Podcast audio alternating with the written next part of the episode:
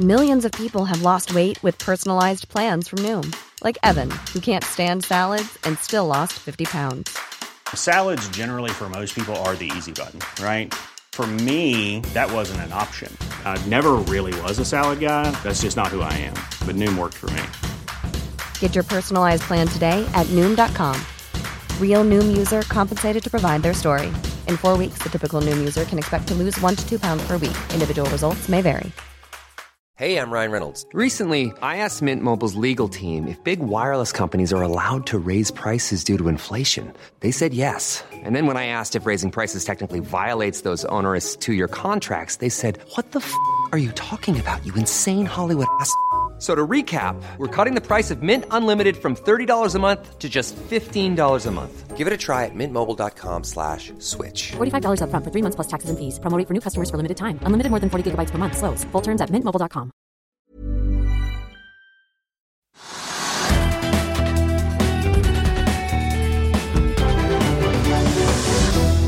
Hei, velkommen og god fredag. Så snøen den laver ned over Østlandet idet vi har kommet til gudskjelovdagen 26. januar. Du ser eller, hører på Økonominyhetene med meg, Marius Thorensen. Det er veldig hyggelig at du er med oss på vei inn i helgen på en dag der nyhetsbildet preges av at vi har fått kvartalstall fra Scatec Telia, oppdateringer fra Archer og SAS. SSB er ute med tall for varehandelen som viser et shoppefall i desember på 0,9% og vi skal få inn gjester i dag også. En fersk rapport fra EY og Sørensen Young avdekker at norske børsnoterte selskaper sliter med å oppfylle rapporteringskrav. Mer om det straks. Vi skal også snakke bil med Andreas Scheel mot slutten av sendingen, og få litt synspunkter også på lakseaksjene nå, nå som kvartalssesongen er i full eh, gang. På Oslo Børs nå så ligger hovedindeksen opp eh, 0,44% til rett over 1290 eh, poeng. Det betyr at vi sannsynligvis da får en oppgang for, for uken da, som begynner å nærme seg prosenten hvis vi holder dette nivået da, de siste tre timene inn mot stengetid, men vi er fortsatt ned drøye prosenten siden eh, nyttår. Vi eh, har jo snakket mye om lakseaksjen etter at EU i går kom med et foreløpig eh, vedtak da, på denne anklagen de har om at norske sjømatnæringen har drevet prissamarbeid fra 2011 til 2019 i spotmarkedet for atlantisk laks i EU. Sjømatindeksen på Oslo Børs falt 3,3% i går, og nye 0,7% i dag ser det ut til. Men som Herman Dahl i Nordea Markets påpekte i Børsmorgen, så syns i hvert fall de og mange andre analytikerstanden at kursfallet er en overreaksjon, og at ikke bøtene kommer til å bli så store som det de potensielt er skissert i meldingen fra EU-kommisjonen. Vi følger også med på shippingsektoren. Den indeksen er ned 0,7 i dag. Hafnia er nest mest omsatt på Oslo Børs er ned 0,8. På FA.no kan du lese om eh, hvordan da shippingindeksen på Oslo Børs har gått syvgangeren etter at DNB la ned aksjefondet DNB Navigator midt under pandemien. Et fond som også hadde eksistert i over 20 år, men som nå også har gått glipp av oppturen i både olje og shipping siden bunnen, da midt under pandemien. Ellers er oljeselskapet Quester, som også driver i eh, Canada, opp nesten 40 i dag, etter at en domstol har gitt dem en midlertidig tillatelse til å drive leting og produksjon i Quebec, som i hvert fall inntil videre, får vi si. Myndighetene ønsker jo å forby olje- og gassutvinning i provinsen i Canada, men så lenge rettssaken også pågår, så har selskapet inntil videre fått lov til å fortsette virksomheten. De har jo avdekket av store gassforekomster i den østlige delen av eh, Canada. Nedover i Europa i dag så har alle børsene snudd til eh, grønt, eh, i hvert fall foreløpig. Vi så jo en relativt rød start på markedet hvis vi ser på de asiatiske indeksene litt tidligere i dag. VIX-indeksen er opp, og Futures of Wall Street de peker faktisk noe ned, så da er kanskje moroa over for denne gang. Vi har jo hatt seks dager med kontinuerlig oppgang på SMP 500. som satte ny rekord i går kveld. Nasdaq er også på samme seiersrekke. Der Jones har svingt lite grann, men steg i går over da 38 000 poeng igjen, som vi markerte for første gang tidligere i uken. De amerikanske aksjemarkedene steg jo da på veldig gode BNP-tall, som viste en vekst i amerikansk økonomi i fjor på godt over 3% som var langt bedre enn ventet. Nordsjøoljen ligger ned drøye halvprosenten i dag, men ligger fortsatt godt over 80 dollar fatet. 81,33 ligger vi på i spotmarkedet nå. Og som vi snakket om på Børsmorgen, kortene stokkes om i havvindindustrien i USA. Equinor opplyser jo at de kommer til å tape minst 2 milliarder kroner til idet de, BP og danske Ørsted, altså samler opp eierskapet for å sitte alene med parkene Empire, Beacon og Sunrise, fremfor å dele eierskapet mellom seg. Og Det kan du jo høre mer om hvis du søker opp eh, sendingen vår fra i morges, enten inne på Apple Podcast eller Spotify, eller ved å gå inn på fa.no-podkast. Bedrifter ikke bare i Norge, men over hele verden møter jo stadig strengere krav til rapportering om alt mulig, får jeg si. Og i Europa er det særlig da rapportering om miljø og bærekraft som står høyt på agendaen. Men eh, som vi skal høre nå, det er et stykke igjen. Tre av de ti selskapene som faktisk møter rapporteringskrav for utslippskutt, har klart å kvantifisere eller diskutere rundt hva dette faktisk kommer til å koste. Men det er mange som har eh, mye igjen. Hanne Tornem, leder, nordisk leder for bærekraftstjenester i EY, velkommen til oss. Takk. Du, dere er ute med en rapport. Kanskje skal jeg skal spørre deg først, eh, hva er det dere konkret har sett på? Det vi konkret har sett på, er fjorårets bærekraftsrapporter, eh, som er en del av årsrapporten. Og da har vi sett på de nye kravene som disse selskapene skal møte til neste år. Og det vi har spesifikt sett på, er hvordan de snakker om klimamål og klimaomstillingsplaner. Og om de eh, klimamålene og planene er i henhold til denne nye standarden som alle må følge. Og den gjelder fra 2024, så det blir da for årsrapporteringen som skal gjøres neste år. Ja, Den som kommer ut neste år, skal være i henhold til disse kravene. Hva betyr det konkret? Det, for Dere snakker om at de må ha en omstillingsplan, men eh, er det noe krav til hvor den planen må ende opp? Er det netto null i 2050 som gjelder?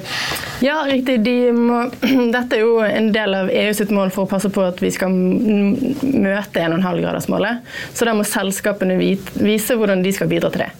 Og For å møte 1,5-gradersmålet så må vi jo som samfunn kutte sånn at vi kommer til netto null i 2050, men kutte utslippene med 50% innen 2030. Ja. Ja, så Det vil være litt forskjellig fra selskap til selskap hvor mye man må kutte da innen 2030, men det er nettopp det man må vise. Hvor mye må vi kutte, hvor mye har vi planlagt å kutte, og hvordan ser det helt konkret ut. Ja, og de må f.eks. Eh, noen av de kravene som vi ser er mest komplisert eh, å få med seg, virker det som, er å synliggjøre hva det vil koste. Ja. ja. Ja, for det, bare for å ta det, Hvis man ser på en del av disse store energiselskapene, Equinor f.eks., de har jo holdt på en stund. og Der deler man jo inn i liksom scope 1, 2 og 3. og Det er jo da liksom egne utslipp, indirekte utslipp fra egen virksomhet, og så har du liksom kundens utslipp i praksis. da, så Hvis jeg fyrer opp bensinbilen, det utslippet jeg har da, det må da Equinor også regne på. Eh, er det det alle disse bedriftene må ha full oversikt over, altså gå så langt ned i måte, verdikjeden fra det de produserer av varer og tjenester? Ja, helt riktig. Eh, så først må de ha et, eh, en baseline, en, et grunnlag for å forstå hvordan de påvirker. Og det, det, er jo litt avhengig fra bedrift til bedrift hva som er mest vesentlig. Men eh, alle i henhold til disse EU-kravene må se på hele verdikjeden. Sin egen utslipp, eh, den elektrisiteten de bruker og hele verdikjeden. Både det de kjøper inn og det de selger. Så for et oljeselskap da, så blir det selvfølgelig veldig viktig å vise hvordan de kutter utslipp i, i egen drift. Men ettersom 90% av de totale utslippene er i bruk av produkter, så må de også vise hvordan de har tenkt å omstille seg vekk fra det produktet. Men altså, Er du Equinor, Hydro eller Aker BP, så har du jo svære avdelinger som kan drive med sånt. Eh, men hvis du er en norsk liksom SMB, da, kanskje har 50-100 ansatte, eh, er dette noe som bare gjelder de børsnoterte og ASA-selskapene, eller blir det som disse nye kjønnskravene i styrene, at vi ser det liksom etter hvert dryppe ned på også AS-er og mindre bedrifter? Ja, Det som er EU sin plan, er jo at først er det de store børsnoterte som skal rapportere til neste år, og så kommer det for mellomstore. og så skal det til og med helt til slutt være for de, de minste. Men det er en sånn trapp da, for ja. hvem som skal gjøre det når. Og så skal det også, er lagt opp til at det skal være litt tilpasset eh, krav til SMB-er. Ja, Så det er fortsatt litt i støpeskjeen ja. hvordan mindre bedrifter blir rammet? Riktig. Ja, for Hvis man er en, eh, driver en liksom butikk, da, man har jo strømmen man kjøper inn, og så er det jo, som i hvert fall i Norge, da, stort sett står for det meste av oppvarmingen av lokaler og lys og det som er. Og så er det produktene man eventuelt kjøper inn og selger videre, da. Men uh, man, blir man pokka nødt til å ringe en av dere eller konkurrentene deres for å få hjelp til å avklare hvor mye utslipp er det knyttet til disse produktene jeg selger? Ja, til å ligge under en stol at det ikke er bare kjempelett å finne ut eh, hvor, hvor utslippene er og hva som er viktigst. Men det er jo det som er på en måte det viktige å holde fokus på her. Sant? At man skal finne ut hvordan man skal være en del av fremtiden. Sant? Hvordan man skal omstille sin bedrift til å passe på at man eh, har de produktene som markedet vil ha, og at man passer på at eh, man selv som virksomhet ikke kommer ut for eh, skatt eller begrensninger fordi at man har mye utslipp. Så det handler om å forberede seg for fremtiden. Og da må man jo først forstå hvor er våre store utslipp. Um, og hvis det er eh, relatert til de utslippene du har i, i produksjonen, f.eks. Si at du driver med betong eller noe sånt som har naturlig mye betongutslipp, nei, klimautslipp i produksjonen, så må du finne ut hvordan du skal kutte, kutte de. Men uh, hvis du selger et produkt som f.eks. olje og gass, som eh, har mye utslipp tilknyttet seg, så må du finne ut hvordan skal vi snu vår virksomhet. Kanskje enda bedre eksempel er seismikkselskap, f.eks. Ja. Der jo, har jo businessen først og fremst vært å, lete etter olje. Og Det er jo en ting som vi allerede ser at det eh, skal eh, bli kutt på, og at det må bli kutt på. En av de første tingene som går. Og Da er det jo viktig at du klarer å vise at vi kan bruke vår kompetanse, vår teknologi, til nye ting som er en del av en eh, mer klimavennlig fremtid. Så da ser vi jo at disse seismikkselskapene allerede begynner å se på kan, hvordan vi kan bruke seismikkteknologien til havvind f.eks., eller til å finne geotermiske kilder til energi. Eh, hvordan de kan kanskje bruke seismikkteknologien på land. Og Det er en sånn typisk ting som markedet vil være interessert i å forstå. Har du skjønt eh, de risikoene som du er utsatt for fordi at ditt produkt handler om noe karbonintensivt, og hva har du tenkt å gjøre med det? Eh, hvordan passer du på at mine langsiktige investeringer er trygge hos deg? Ja, for det har jo på den siden, ja, du har jo nesten en plan plan overfor investoren, da, hva du har tenkt å gjøre. Men en annen side som er veldig konkret, er jo hvor mange fysiske tonn er det denne virksomheten fører til. Da. Det, jo, ja, det er jo for relatert, men det er jo to litt forskjellige ting. Ja, det er jo det. det er jo, eh, altså de fysiske tonnene som kommer ut av din egen pipe, er jo veldig konkret. Eh, og veldig enkelt og, eller relativt enkelt og konkret å finne ut hvordan du skal slippe eh, kutte det. Mens når det kommer til sånn, sånn produkt, så er det jo mer komplekst. Og der trenger man jo ta det inn i, inn i strategien og tenke nye markeder, eh, nye materialer. Si at du f.eks. er en tekstilbedrift da, som lager klær. Så vil, jo, eh, så vil jo det å kutte utslipp totalt sett for din virksomhet eh, eh, handle f.eks. om å endre på hvordan klærne er laget, men det kan òg eh, handle om å bytte forretningsmodell. Si at du i stedet for å bare pumpe ut eh, nye klær hele tiden, går inn i en, en utleiemodell hvis det er liksom eksklusivt eksklusive klær, eller det handler om sikkerhet, eller noe som eh, du kan måte, eh, fikse for kunden, som gjør at det lønner seg å ta det inn igjen og fikse det og sende det ut igjen. Så, altså, sånne type nye måter å, å tenke på er eh, en veldig viktig del av omstillingen, men også ganske komplekst. Så, så det, vi, det, som er et interessant funn fra undersøkelsen, er at det de fleste stryker på, det er å vise hvordan klimaomstillingen er en integrert del av strategien strategien, og ikke minst finansiell planlegging.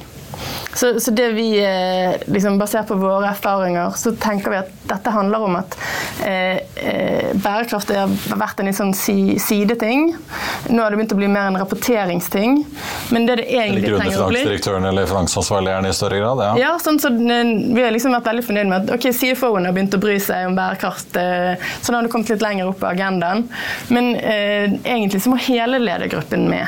Sant? hvis vi skal begynne å snakke om nye forretningsmodeller, nye produkter produkter, eh, vri kompetansen vår over noe helt nytt. Eh, sant? Seismikk fra olje til seismikk for eh, havvind. Så, så, må jo det være en forpliktelse som hele ledelsen er med på. Og, og det må begrunnes i gode business case. Og det, det er litt spesielt at det er et rapporteringskrav som ber om dette. da. Men det, er akkurat det liksom business-caset som skal uh, være med i hvordan uh, man rapporterer også. Eller man skal gi trygghet for at man har tenkt på hvor mye det koster, og hvor mye man får ut av det. Ja. Eh, Eller så blir du fort bare tomme ord. Ja, for det er jo noe med det å få, få, det litt sånn håndfast og konkret. Jeg merker jo meg, og dere sier at En ting er at det skal rapporteres, men det skal jo revideres òg, litt som uh, regnskapet skal. og Jeg har jo skjønt på, på dere og PwC og Deloitte og sånn, dette er jo dere som næring ser for dere at det vil jo i voldsomt økt aktivitet når politikerne pålegger næringslivet alle disse rapporteringskravene. Men si du da er en boligbygger i Vestfold, da, du bygger noen hus og hytter i Sandefjord og Tønsberg og omkringliggende områder. Mm. Da må du gå til sementleverandøren din og baderomsutstyrsleverandøren og kreve da hva da? At de rapporterer, eller at de gir deg en slags dokumentasjon på hvor mye utslipp er det på alle disse ulike delene som går inn i disse husene du bygger, da, og så må du ha en eller annen slags plan på hvordan du skal få det ned? Ja, Ja. rett og slett. Eh, Men det som er jo bra, er at siden det liksom hele systemet må rapportere, så, så blir jo mer og mer standardisert etter hvert. Ja, for det er jo avhengig av at Hvis du da ringer en dørprodusent i Sverige, så får du, du får en eller annen dokumentasjon eller datapunkt du faktisk kan bruke. Da, at ikke det bare er eh, en eller annen rapportering de har som ikke blir godkjent. Eller, Nettopp. Ja. Og det har vi faktisk sett eh, i mange år, at i flere bransjer, spesielt byggebransjen, så har de selskapene som kan dokumentere miljøavtrykket, eller det vi kaller livssyklusanalyse for produktet, ofte eh, en fordel i konkurranser eh, foran de som ikke kan si noe om fotavtrykket. Nettopp fordi at da kan de som kjøper det, putte det inn i, inn i sitt utslipp igjen. Hva ser dere når på en måte skjer på bakken? En ting er jo disse kravene som kommer fra Brussel hvert eneste år. Noen er fortsatt i støpeskjeen, andre er vedtatt og blir implementert. Samtidig så ser vi jo mange bedrifter skjære ned og prøve å kutte kostnadene i en verden med høye renter. og Byggebransjen sliter jo veldig om dagen. Ja. Er det sånn at dere merker at bedriftene helst liksom vil unngå å pådra seg kostnader ved å øke stabsfunksjoner eller leie inn ekstern hjelp eh, til rapportering som dette her, og at de kun gjør liksom det de absolutt må nå, eller? Ja, altså det er jo mange som eh, har liksom litt tøffere hverdag nå enn det var for veldig kort tid siden, og som ønsker å holde det til et minimum. Men samtidig så ser vi jo at blant de største selskapene så ansetter de ganske mye innenfor eh, bærekraft. Og de begynner å få inn spesialister på tvers av alle mulige funksjoner. Så du har liksom spesifikke klimaspesialister og spesifikke nat- naturspesialister og menneskerettigheter. Og sånt, ikke bare i bærekraftavdelingen, det i eh, innkjøpsavdelingen eller i eh, markedsføringsavdelingen eh, under regnskap sammen med compliance, sånn at de kravene som kommer har også hatt en effekt at man, man ser at man må, må uppe gamet, holdt jeg på å si. Ja.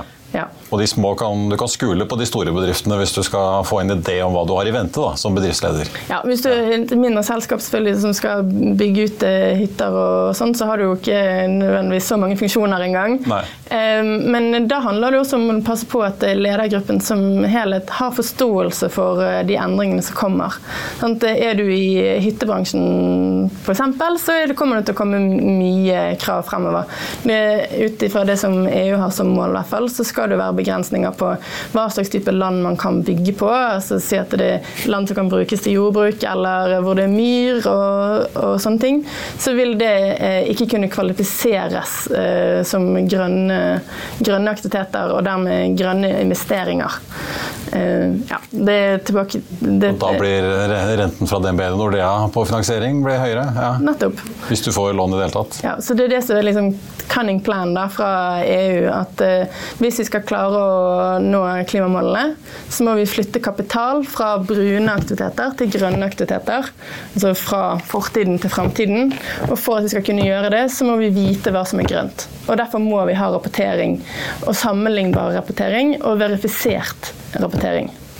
Og så eh, tror jeg, jeg tror at En ting som kommer til å gjøre dette enda sterkere på toppen av det her, det er jo at vi har AI som også kommer samtidig som at selskapene kommer ut med sammenlignbar informasjon.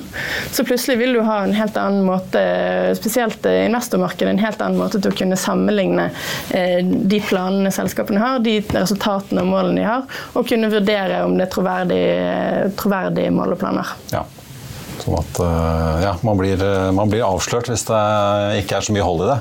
Det er nettopp det. Ja.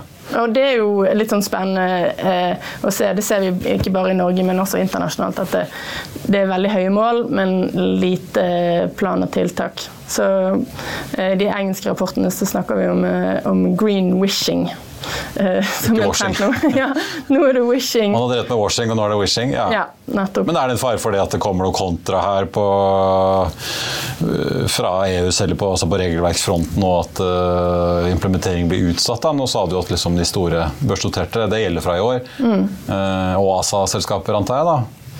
Ja. eh, ja. Ja. Eh, så det, altså det de, nå, For de store så er det jo vedtatt, og så, nå skal det jo skje. Men eh, er ikke til å legge under en stol at de har eh, skikkelig gønnet på med det som skal være med i disse standardene, av alt mulig du kan tenke deg av ting man må snakke om eh, relatert til klima og bærekraft. Ehm, så eh, at de skal tilpasse det, og at det skal være liksom litt mer rom for små og mellomstore til å møte disse kravene, det er sannsynlig at det kommer til å, å bli. Ja. ja. Og da er det, er Miljødirektoratet i Norge da, som sitter og forvalter at dette er ut fra myndighetene? Det kommer jo via EU. Ja. Og eh, jeg oppfatter at innstillingen i Norge er at vi, vi, legger oss på det nivået. Ellers så vil vi jo sakke, sakke, sakke akterut i forhold til europeiske selskaper, og vi vil ikke være sammenlignbare med de europeiske selskapene. Det ser ikke så bra ut. Jeg pleier å si Ernst Young, jeg er gammel vane. EY, tusen takk for at du kom til oss. Eh, det virker som dere og konkurrentene deres i bransjen får nok å gjøre i årene fremover. Eh, i hvert fall.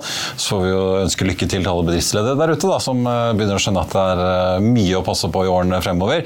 Vi skal snakke bil etter hvert, men jeg tenkte først bare å ta med litt av det Nordeas sjømatanalytiker Herman Dahl hadde å fortelle da han gjestet Børsmorgen i morges. For vi snakket jo ikke bare om prisjuksanklagene fra EU-kommisjonen mot den norske laksenæringen. Vi snakket også om hva vi kan vente oss av kvartalstallene som er rett rundt hjørnet. Bare hør her. Hva bør vi forvente av disse selskapene når de kommer med kvartalsrapportene sine fremover nå? da? Du sa det er bra etterspørsel i markedet. Ja, nå får bør vi, vi forvente gode tall fra Team Movi og SalMar og Lerøy og co.? Nå får vi Q4-tallene om, eh, om, noen uker. Um, og eh, Q4 var et eh, kvartal hvor prisene ikke var eh, spesielt høye. Det var relativt bra tilbud, og markedet var litt, litt iffy. Men, og det har også vært en del biologiske utfordringer, så vi har et par selskaper på lista som vi tror kan, kan overraske litt på nedsiden, spesielt på kostnadssiden. Men, men når vi nå står i Q1 og ser litt framover, så, så tror vi det blir kjempestramt i første halvår og tro på høye priser og bra driv i markedet. Hvem er det vi bør følge med på, da, som kan overraske på nedsiden? Uh, nei, vi har, vi har holdt, en, holdt, en, liten knapp på Lerøy på den siden egentlig gjennom hele andre halvår i 2023. De har slitt med biologien, spesielt i sjøtroll. Nå har de fått litt utfordringer med perlesnormanet på toppen av det hele. Og det var relativt høye temperaturer i Q3, etterfulgt av ganske lave temperaturer i Q4, så det har vært store variasjoner. og, og også potensielt mye utfordringer for, for biologien deres der. Så har vi jo sett litt krøll hos eh, Grieg eh, også, så vi får følge med. Det blir eh, en bra bunke med rapporter å se gjennom, Herman Dahl i Nordea. Tusen takk for at du var med oss. Vil du bli oppdatert på det viktigste som har skjedd innen finans og næringsliv? Da er det bare å følge med, for hver morgen er jeg, Marius Lorentzen og aksjekommentator Karl Johan Malnes på plass i studio for å ta tempen på dagens marked i Børsmorgen. Og hver ettermiddag oppsummerer vi alt du trenger å vite i økonominyhetene, og det blir selvfølgelig masse interessante gjester. Klikk deg inn på fa.no-tv, eller søk opp Børsmorgen og Økonominyhetene der du hører på podkast.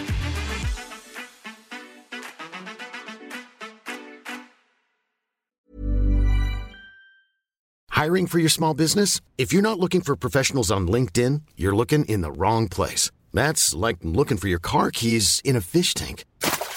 LinkedIn helps you hire professionals you can't find anywhere else, even those who aren't actively searching for a new job but might be open to the perfect role. In a given month, over 70% of LinkedIn users don't even visit other leading job sites. So start looking in the right place. With LinkedIn, you can hire professionals like a professional. Post your free job on linkedin.com slash people today. I'll see you in court.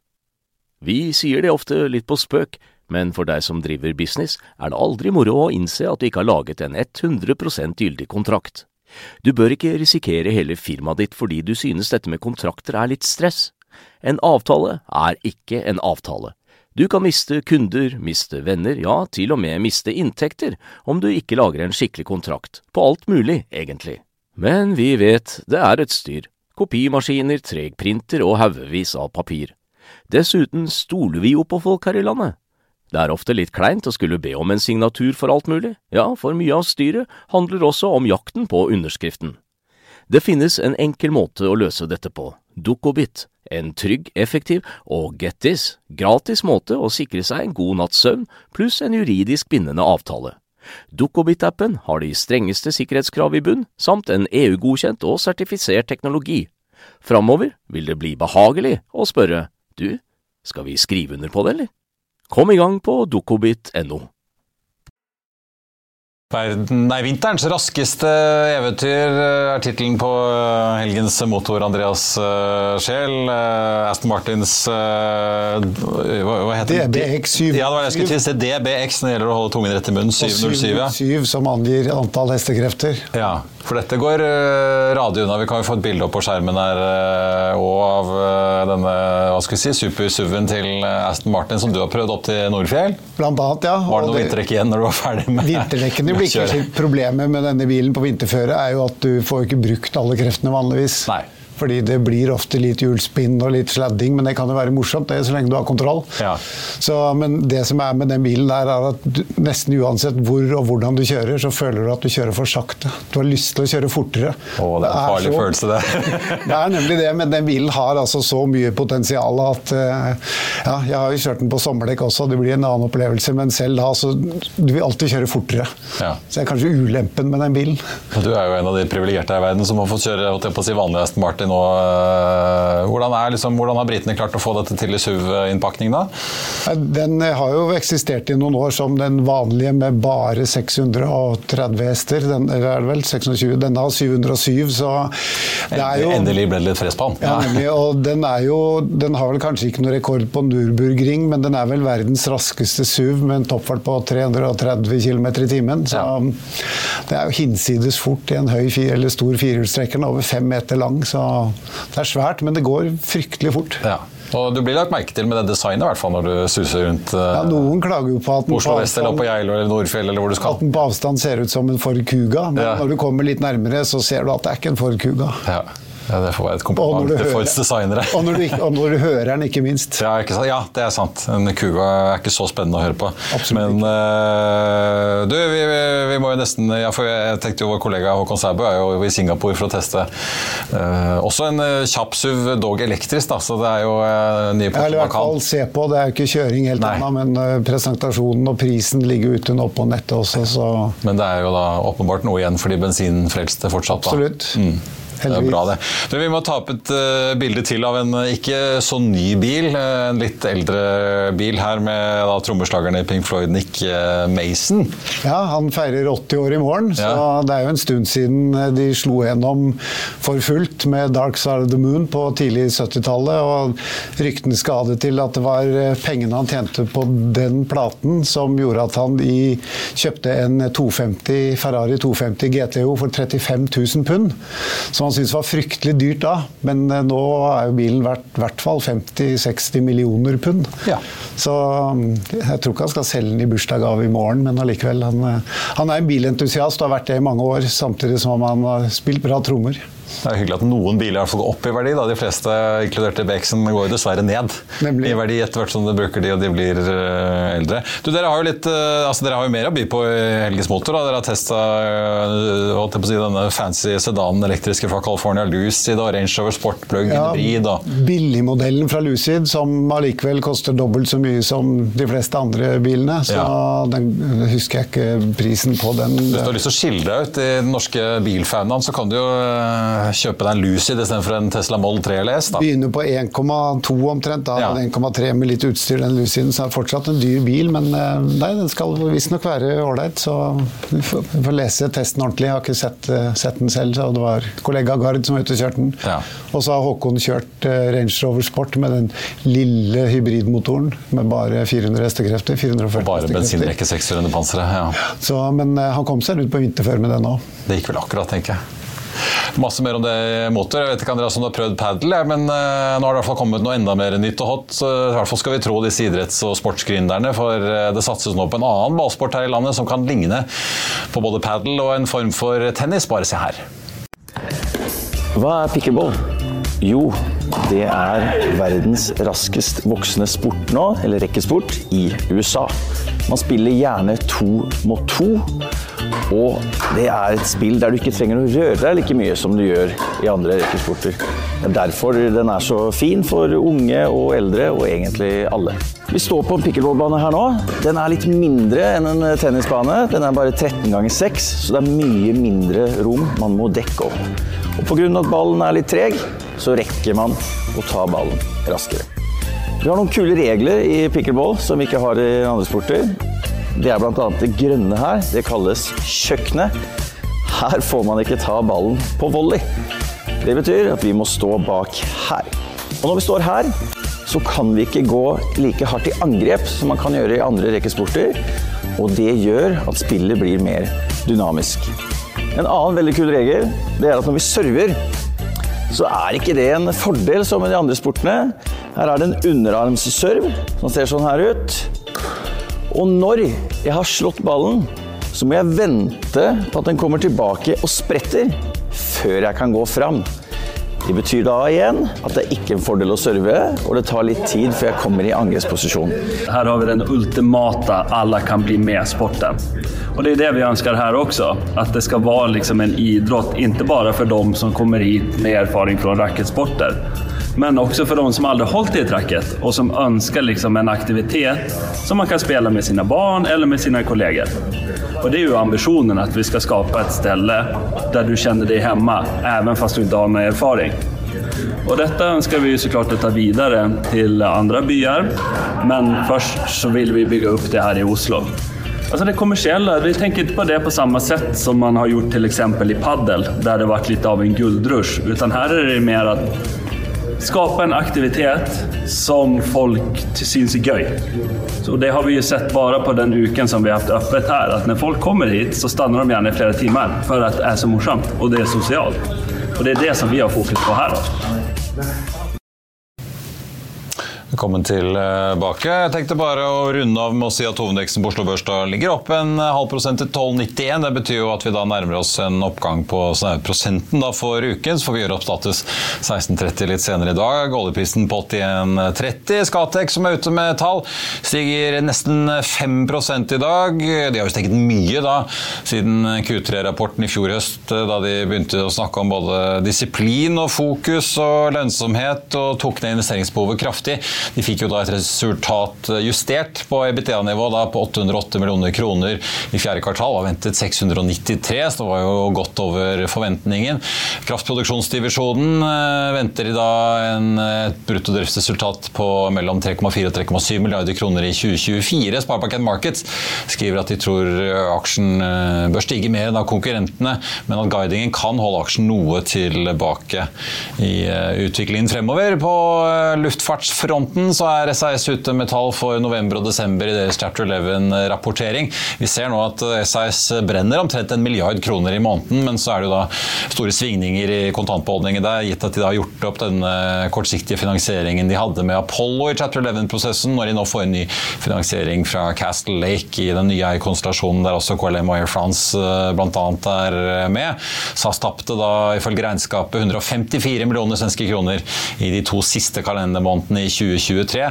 SAS endte jo regnskapsåret sitt 2023 da ved slutten av oktober med et underskudd på eh, over 5,5 milliarder svenske kroner. og De har jo tidligere i år, som vi snakket om tidligere i uken, kuttet guidingen sin kraftig da for eh, det nye året 2024. De spådde jo tidligere et overskudd i år, men de varsler eh, nå da at de regner med å enten gå i null eller med et underskudd på minus 1 milliard svenske kroner. Vi har også fått en kvartalsoppdatering fra Archer i dag.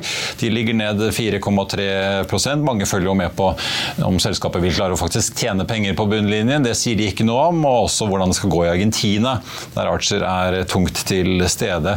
Som vi har sett eh, nylig, så har det jo kommet en ny president, og mange endringer er på gang politisk i det søramerikanske landet, som jo har slitt tungt med inflasjonen. Et annet selskap som har slitt tungt i dag, men som har reist seg noe ned fra får vi si, nesten avgrunnen, er eh, Telenors konkurrent i Sverige, da Telia. Ned 3% fortsatt på Stockholmsbørsen, men de var mye mer mer ned tidligere i dag, etter da kvartalsrapporten som viser et stort underskudd. Men tidligere da varslet nedskrivninger bl.a. i Finland og i TV-mediedivisjonen. Det med Markets påpekte at guidingen på kontantstrømmen også var noe svak, selv om utbyttet på to svenske kroner per aksje var som ventet. Dansk Ørsted stiger 1, nesten 7% I og Equinor og BP har da meldt om store endringer i havvindsatsingene sine i USA, hvor de bytter rundt på eiendeler og nå håper på at myndighetene i Massachusetts og New York skal gi dem økte støttenivåer på disse havvindprosjektene sine. Ellers så tenkte jeg altså bare at jeg må ta med Questia Energy da, dette olje- og gasselskapet som eh, har holdt på i årevis med å prøve å få noe fres i utvinningen i Quebec i Canada, hvor det er funnet enorme gassforekomster, men der myndighetene altså jobber eh, mot et forbud som en domstol nå i hvert fall inntil videre har satt en stopper for. Eh, håpet da om at Questier kanskje kan få hentet ut litt gass fra Quebec, har sendt aksjen opp da nesten 40 så langt i dag. Ellers på mest omsatt-listen så ligger Hafna på en annen plass, ned 0,6% Ellers ganske mye grønt jevnt over, men vi ser at både Movi og SalMar sliter fortsatt med nedgang etter det kraftige fallet i går. Sjømatindeksen har imidlertid hentet seg inn utover dagen og ligger nå så vidt i pluss 0,1% Den falt jo da 3,3% i går etter nyheten fra EU om det foreløpige vedtaket i saken om mistanke om prissamarbeid i spotmarkedet i EU for atlantisk laks. I Finansavisen i morgen så kan du i tillegg til Trygve Egnars leder lese mer om da denne pickleball-satsingen, som er det nye etter padel. Du kan lese om blodbadet for investorene i uh, matleveringstjenesten Oda. Du kan lese hvordan Jon Fredriksen har hamstret kreditoraksjer i offshorerederiet Doff. Og så blir det selvfølgelig da masse mer bil, vin og annet helgestoff. Det var det vi hadde for deg her på denne fredagen. Tusen takk for at du så eller hørte på. Mitt navn er Marius Lorentzen, og vi er tilbake igjen her på mandag morgen 08.55 med Børsmorgen. Da får vi med oss eh, Pål Ringholm, og så kommer Trygve Egnar her i studio 14.30 i Økonominyhetene. I mellomtiden så ønsker alle vi her i Finansavisen deg en riktig god helg. Gå og kjør forsiktig. Og hvis du finner en buss som går i rute, gratulerer får jeg si, for nå er det mange innstillinger ute og går. Vi ses på mandag. Takk for da.